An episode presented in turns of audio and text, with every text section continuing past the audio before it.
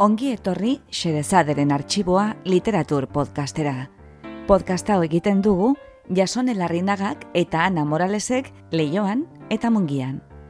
Guk bezala, zuk ere uste baduzu, munduan gauza gutxi direla hain atseginak nola ipuinon bat patxada zentzutea, gera zaitez gurekin, eta prestatu munduko kontakizunik bikainenak euskaraz entzuteko.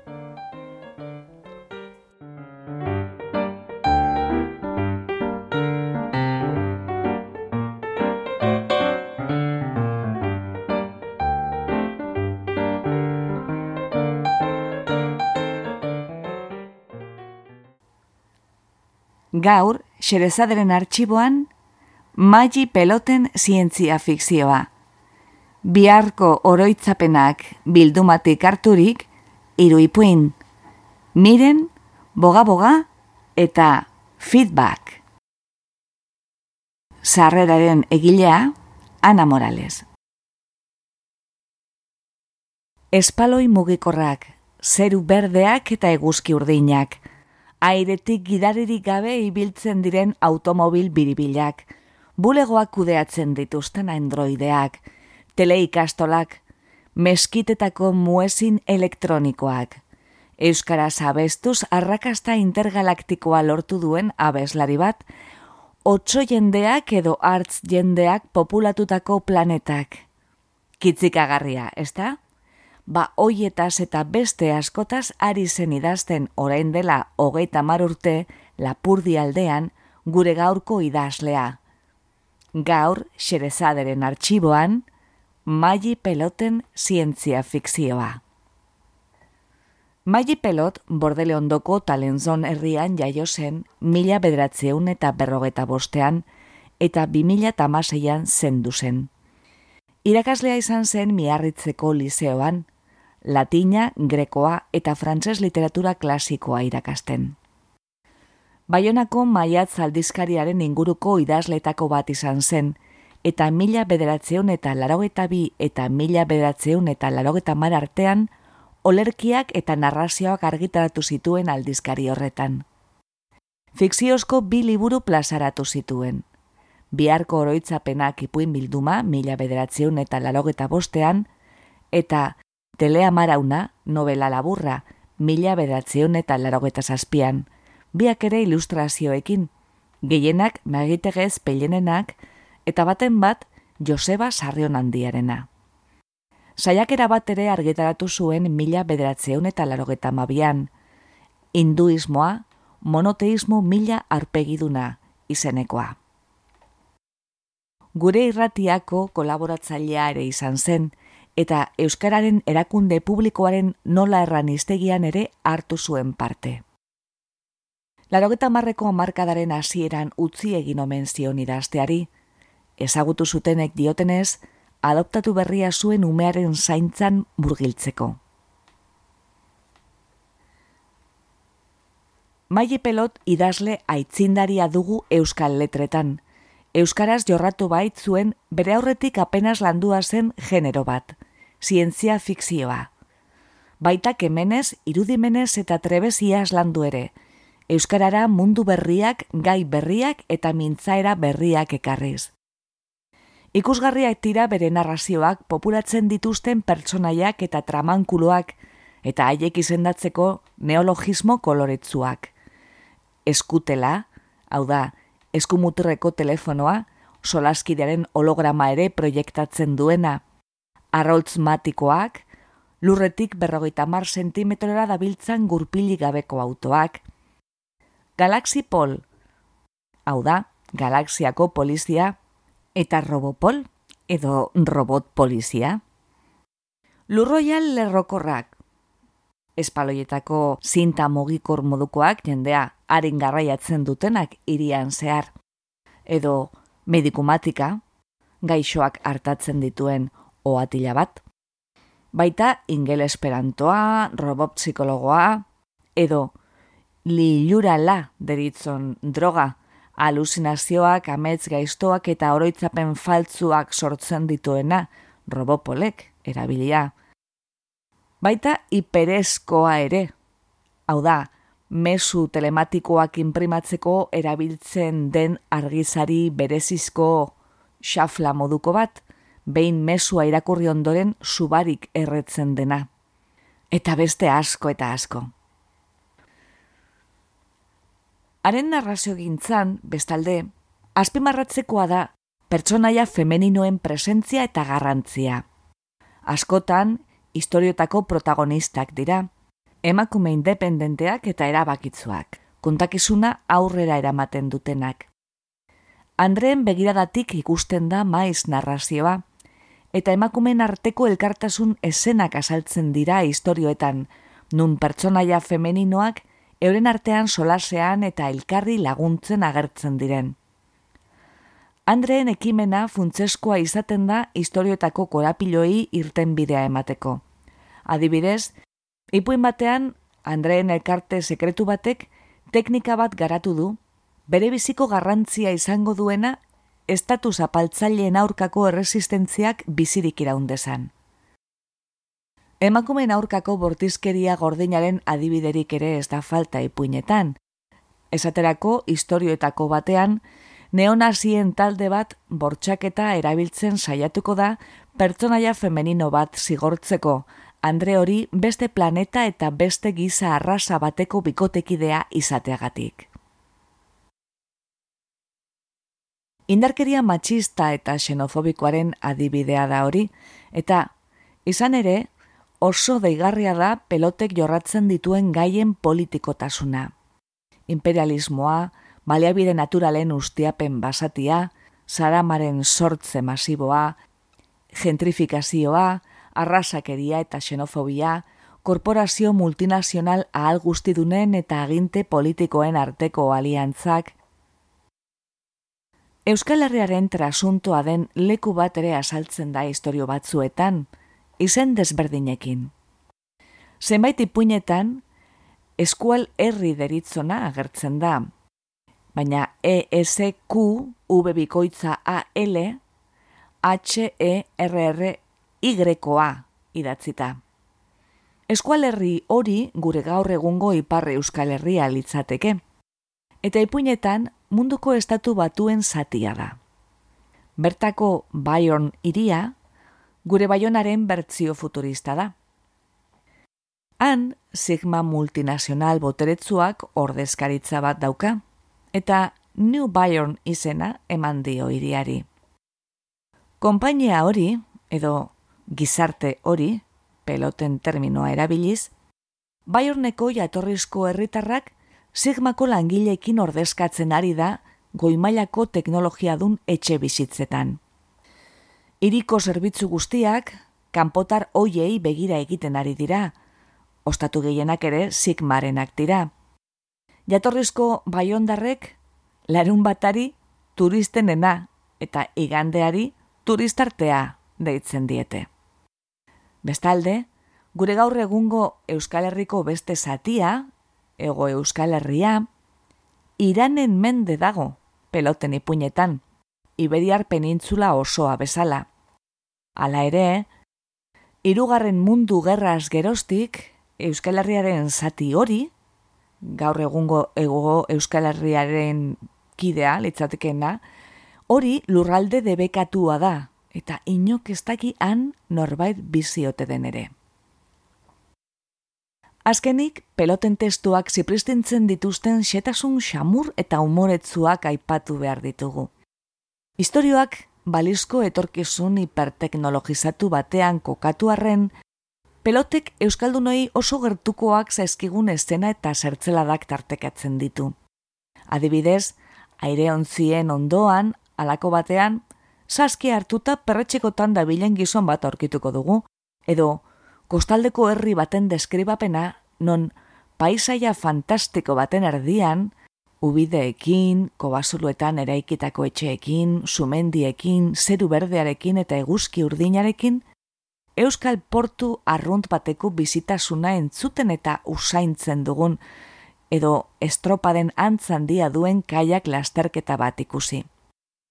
Irribarrea sortzen zaigu, Ognarut planetaren izena atzeko zaurrera irakurri eta Durango izena osatzen dela ohartzean.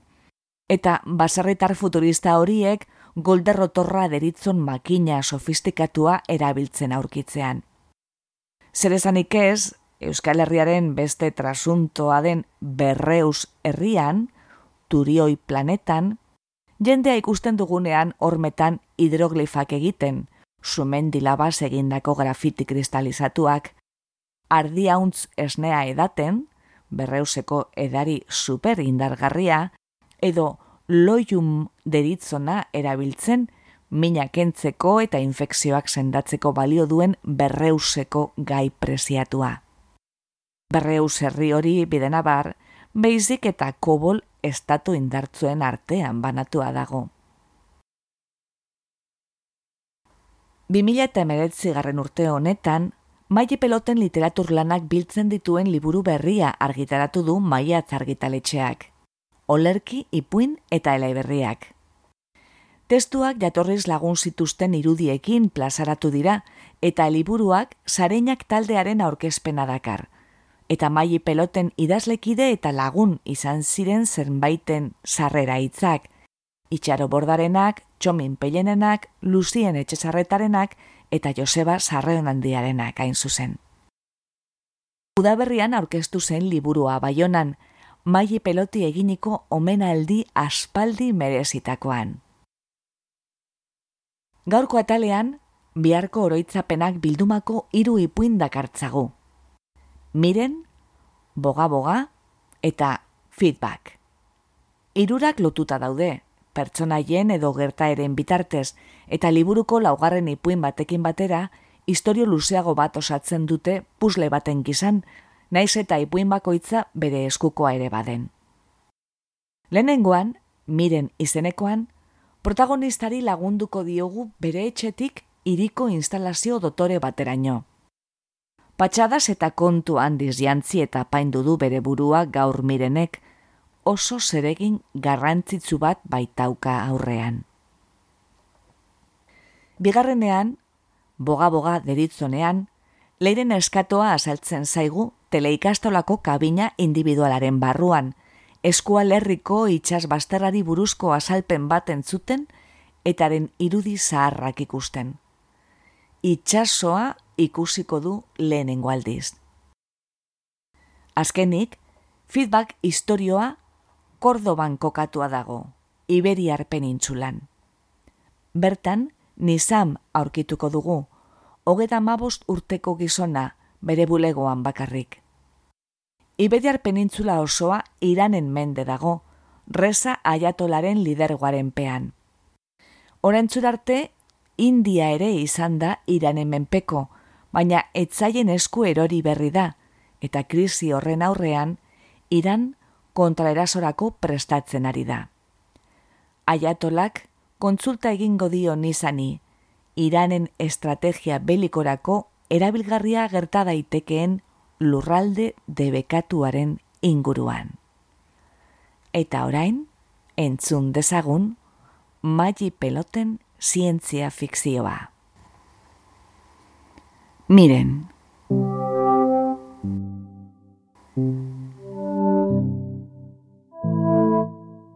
Miren, amazazpi orenetan etxeratu zen.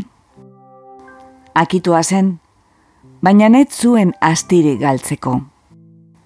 Bereatearen aitzinean gelditu zen. Begi elektronikoak ezagutu zuen. Atea isilki ideki zen.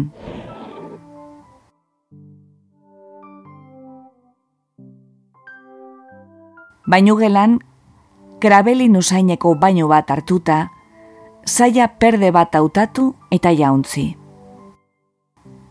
Bere hile astun gorriak lusa zorrastatu zituen, baita ere bere arpegia kasu emanez tindatu. Arratzartan, ederra ta dotorea izan nahi baitzuen.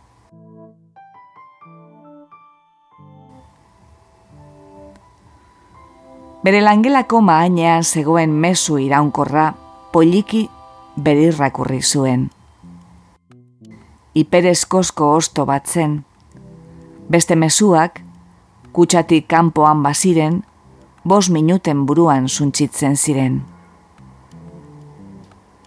Gero, bere sakuan sartu.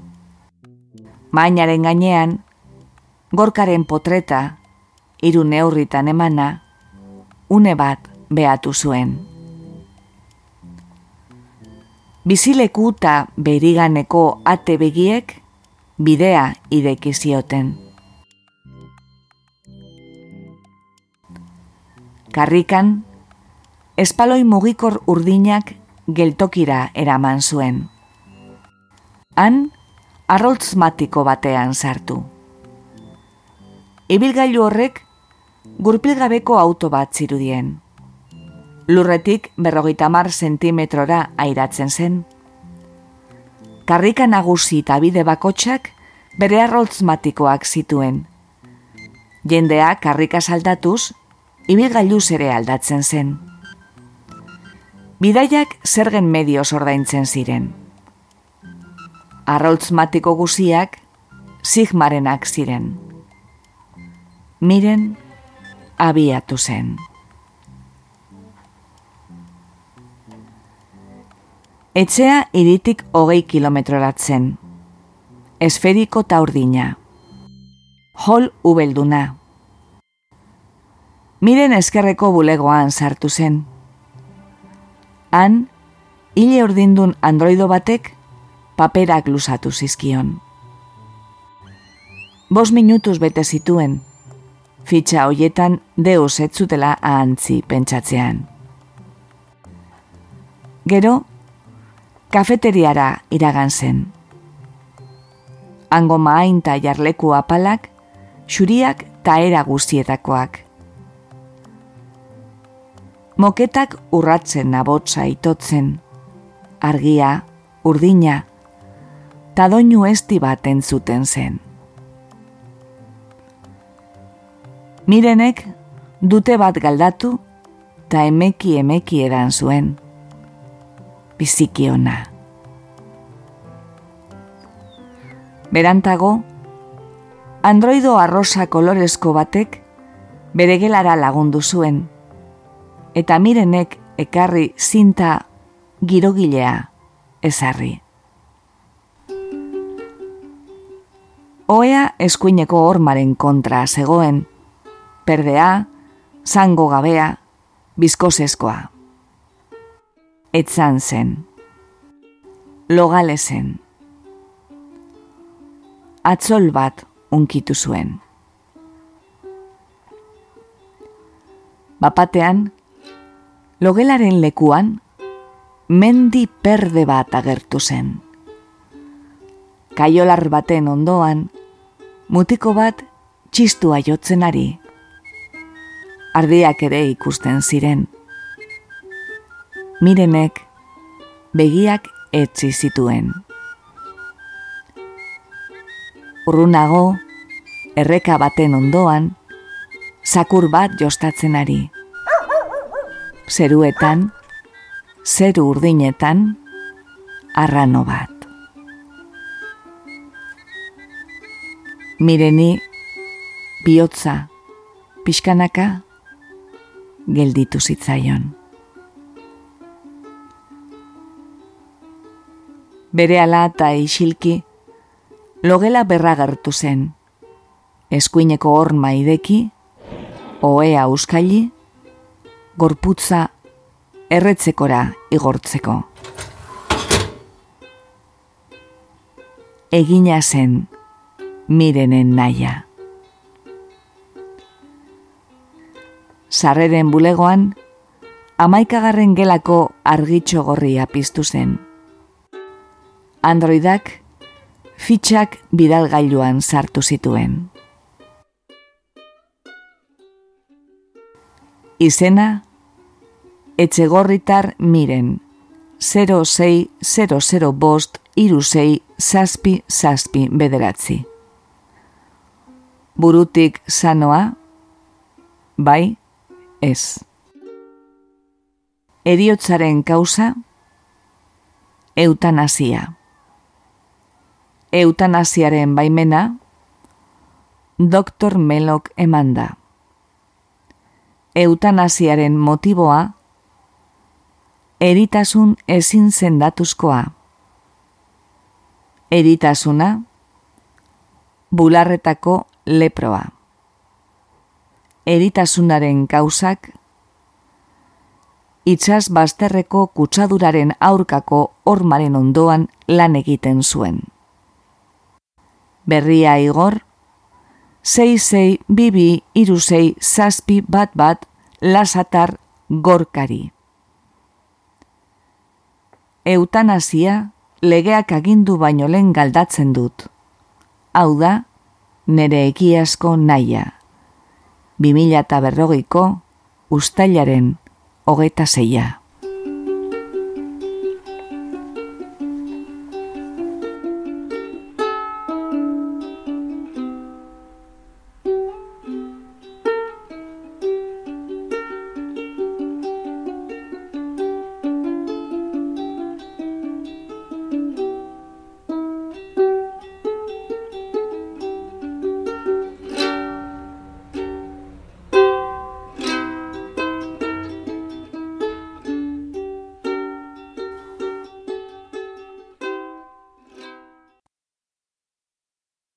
Boga boga.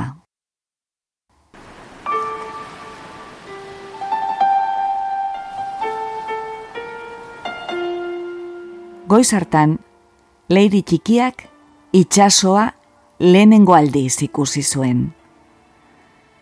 Telikastolako pasabide luzean lasterka sartu eta kapa bere armairutxora botatu zuen, arrigarria zelarik nola etzuen urratu, gelatxoetako ateak lerratzen eta lerratzen entzunez. Azkenean, itxasoa ikusiko. Orai, bere gelatxoan bakarrik, entzunkariak belarrietan eta mikroa aintzinean, maixuari arpegia, irune horretan emanik, begiratzen zion. Ikasi duzuen bezala, gure herria, hogei garren mendean, bizatitan emana zen. Frantzia eta Espainia beren esku ziren.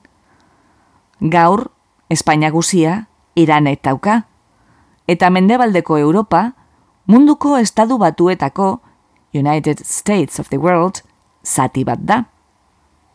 Beazue filma. Kasue maio zue. Bine horrizkoa baita, ikusteko zaila beraz.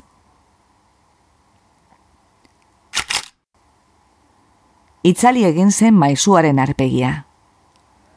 Haren lekuan, argazki xahar bat. Urdinegia zela pentsatu zuen leirek. Robota baten botz hitzak zioen. Una hogei garren mendeko eskual itxas bazterra jendea ondarrean, jendea itxasoan igerika, gaurko pizinetan bezala. Itxas zabalean untzi batzuk.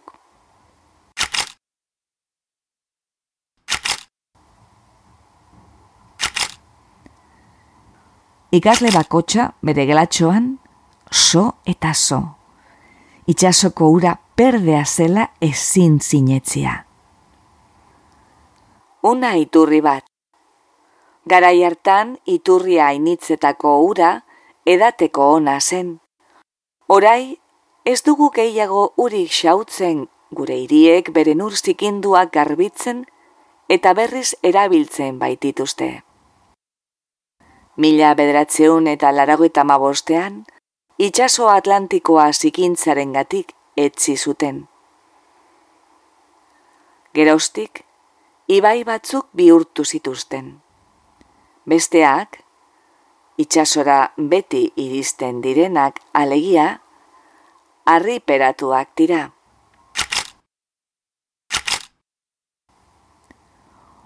Orain ikusten dituzuenak, aturri eta errobia, bai pean ditugu. Sigma gizartearen etxeak haien gainean altxatuak ziren. Eskualerriko mapa zahar bat ageri zen. Baserrian, mapa untan bazena farroa eta xiberoa deritzanetan, erreka batzuetako urak oraino ere edaten dituzte. Zigintzearen aurkako ormari esker naski. Ormarek itxasoa gordetzen digu, baina itxasotik zaintzen gaitu. Irudian, zenbakiak banaka agertzen eta desagertzen hasi ziren. Baserrian, euneko hogetamar zikintze arrisku handi. Itxasaldean, hormatik bos kilometroraino, euneko berragoetamar. USV bikoitzean, munduko estadu batuetako iririk gehienetan, euneko berrogeita mar. Leirek ez zuen ulertzen. Beraz, horma ez da nahikoa. Denak hobeki bizi daitezen, sigma gizarteak, beti zuen zerbitzuan, bai honen entzegu handi bat antolatzen ari da. Agian zuek, gazteok, mundu garbi batean biziko zarete. Behazue gaurko itxasoa.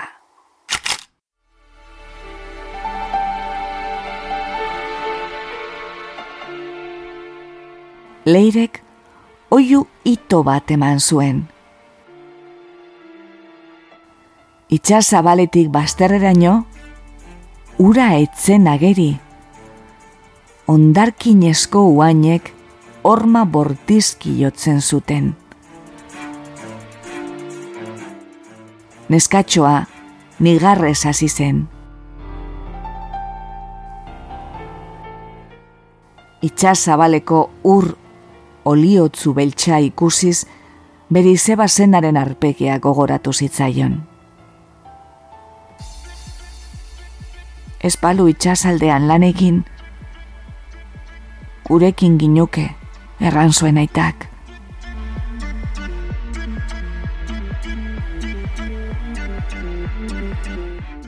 Goiz hartan, leire txikiak, itxasoa, lehen aldiz, ikusi zuen.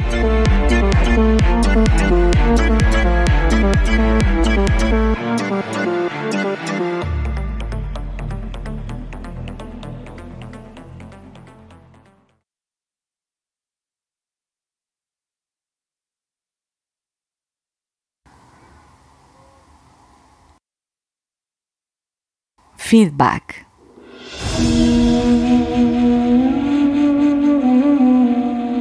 Kordoba, udaberriko iguzkian, beroa zen.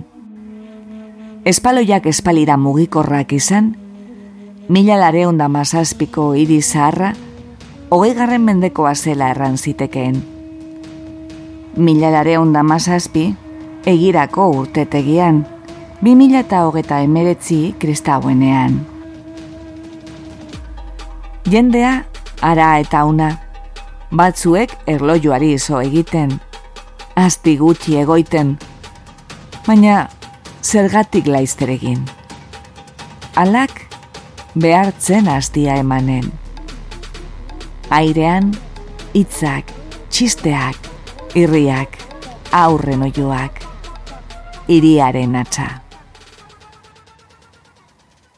Amabostek jo. Auzo berrian, zaat gizartearen bilding batean, hogeita urteko gizon bat lurrean etzana zen. Bulegoan etzen beste lagunik. Leio olak, betasa lakituak bezala, emeki emeki jaustean, emakume boz esti bat, relatzaziorako kontseiluak ematen hasi. Lurrean, nizam dena ahanzten entzeatu. Azkenean, pausa bat. Bostoren lan egin eta berrogei minutuko bake hori ongi irabazi zuela pentsatuz posik zegoen. Bere begiek ez zuten gehiago pantailetako ingurutxo erotua ikusten. Begiak utzak zitzaizkion. Bere zangoak ere, ahantzi, zitzaizkion. Munduko gizarte guziek bezala, Sadek eguneroko plani memorietan relatzaziozko ariketak sarrerazi zituen. Metodo horri esker, zigarren oreneko lana gaitza izaten zen. Gogoan izan zure ezkerreko besoa, eskua lurrean duzu. Eskua astuntzen ari zaizu, astuntzen, astuntzen. Kantatzen zuen, bos estiak. Nizamen gogoak ariketa ezagutzen zuelakotz, bosari obeditzen zion. Nizamen gogoak ariketa gehiegi ezagutzen zuelakotz, keskak ezin baztertu. Maometanoek hogei minutuko pausa dugu. Besteek mundu zabalean, hogeita mar minutukoa. Gaur, enaiz erreski lasaituko.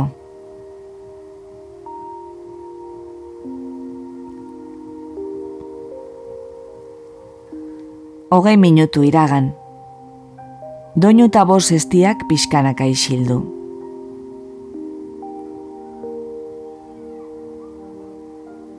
Kordobako mairu elizan, kristauen denboran eliza nagusia zenean, laugarren programa esnatu.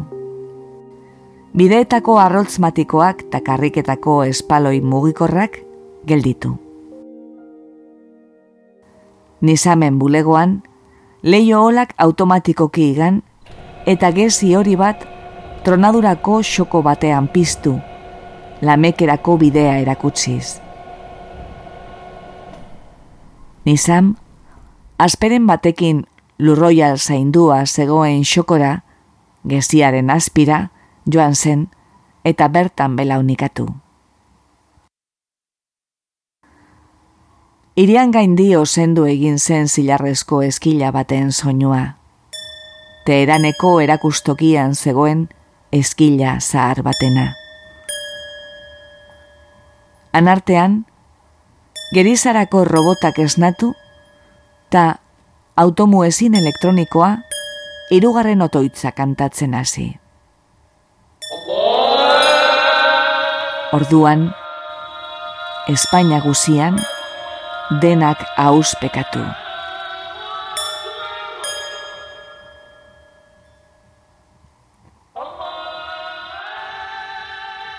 Teranen etzen otoitza egiteko tenorea.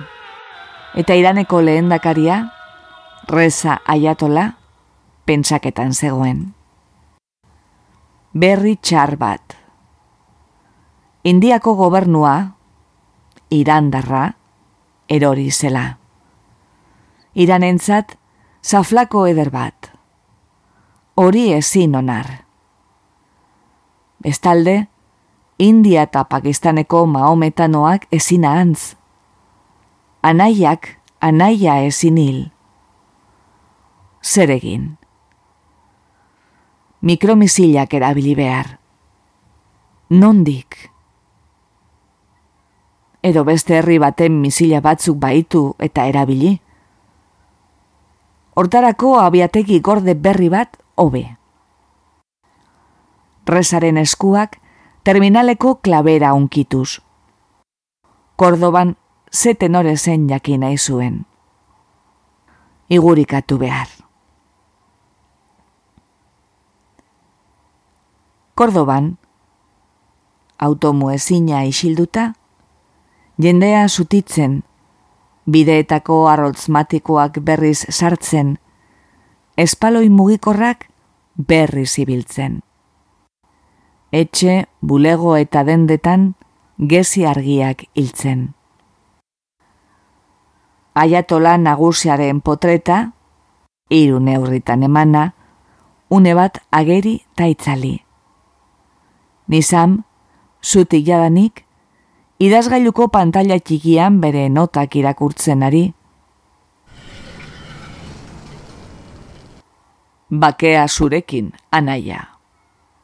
Nizamek jauzi egin, atea lerratzen espaitzuen entzun, eta zuekin ere bai, anaiak. Jardestean, ilundu zitzaion barnea. Bakea.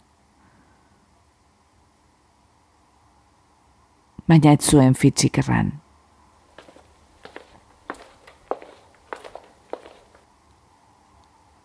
Zer da zure azken hitza, anaia? Nire ustez dena den nizamek besoa luzatu. Alak mi bat bai, ta bibelarri ere eman dizkigu, anaia. Itzegin baino lehen, bi aldi zentzuteko. Ikertu ditudan dokumentuen laburpen bat egin dizuet. Telememoriak zera dio.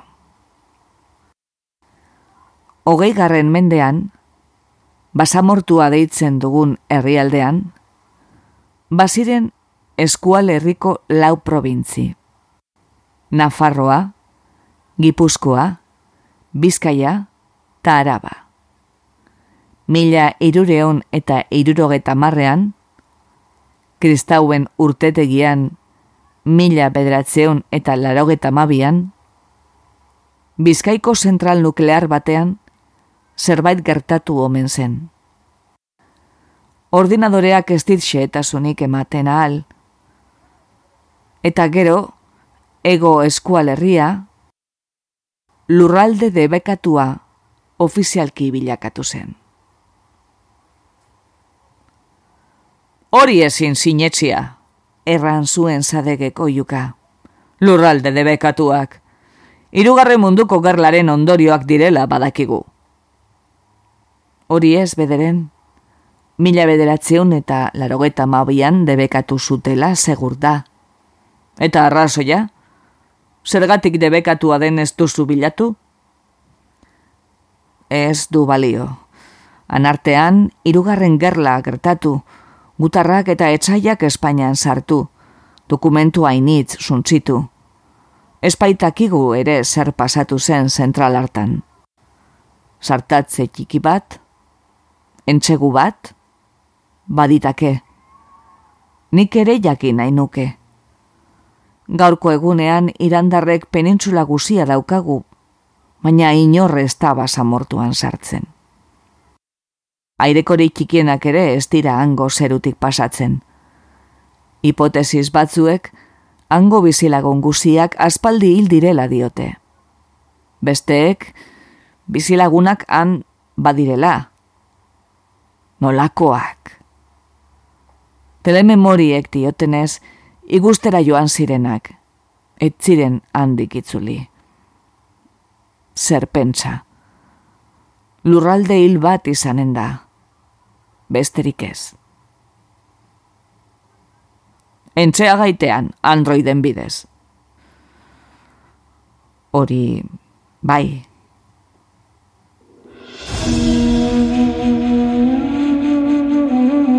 Hemezortziak amar gutxitan bere ala zen laugarren otoitza. Nizamek bere buruta eskuak jadanik arbituak zituen. Urak etzion kendu buruko mina. Burua, erratera ausartu ez zituen hitzez antua zitzaion. Lasaitzeko, bere buruari hitz egin behar. Bai, erresuma handi bat altxatu dugu. Maometan guziek ikurrin bera, ilargi xerra batekin. Bai, bederatzi izarrez apaindurik, baietz. Ez maometanoen kapitalismo itxuari edo desberdintasuneri uko egin behar. Alaren berdintasun ta anaitasunean bizigara oraino. Kristauen fedea galtzen ari, gurea egunetik egunera askarragoa. Pentsalari berriek islama zintzoki berritu, eta orai, zer. Aiatola, teknologoen orde, gerla zaindua mikromisilez apailatu nahi duen hori. Jakintzuna ote, bai zera. Ez da alaren zerbitzaria, handikaria baizik.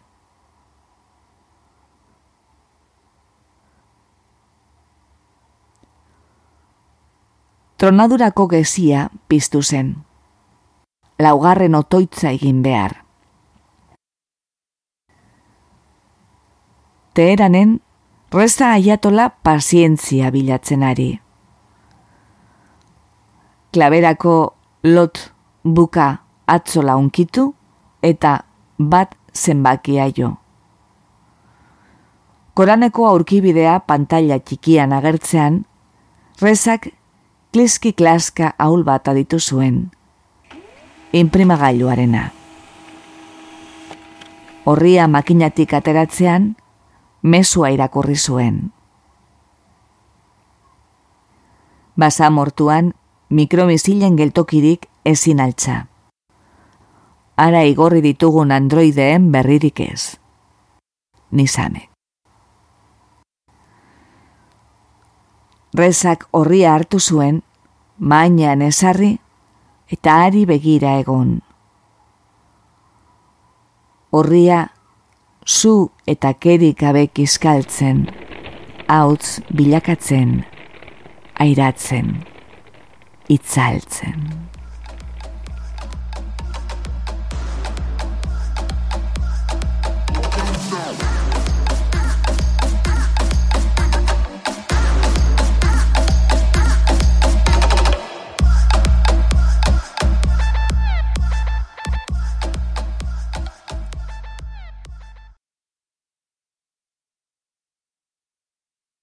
Entzun duzu maili peloten zientzia fikzioa. Biharko horitzapenak ipuin bildumatik hartutako hiru historio. Miren, boga-boga eta feedback.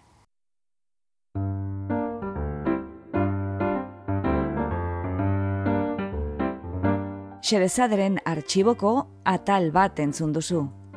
Gure doinua da Charleston Behind the Attic Door, Dance of the Wind taldearena. Bizitatu gure bloga, gure audioak deskargatzeko edo online entzuteko. Iru xerezade.org Xerezade, isaz idazten da gogoratu. Eta ez haztu iruzkinak ustea. Podcast hau egiten dugu jasone larrinagak eta Ana Moralesek leioan eta mungian. Xerezaderen artxiboko atal guztiak emititzen dira Bilbo iria irratian eta arrosa zarean. Mila esker gurera hurbiltzeagatik, gustora egon bazara, erdu urrengo batean ostera ere, Xerezaderen artxibora. Laster arte!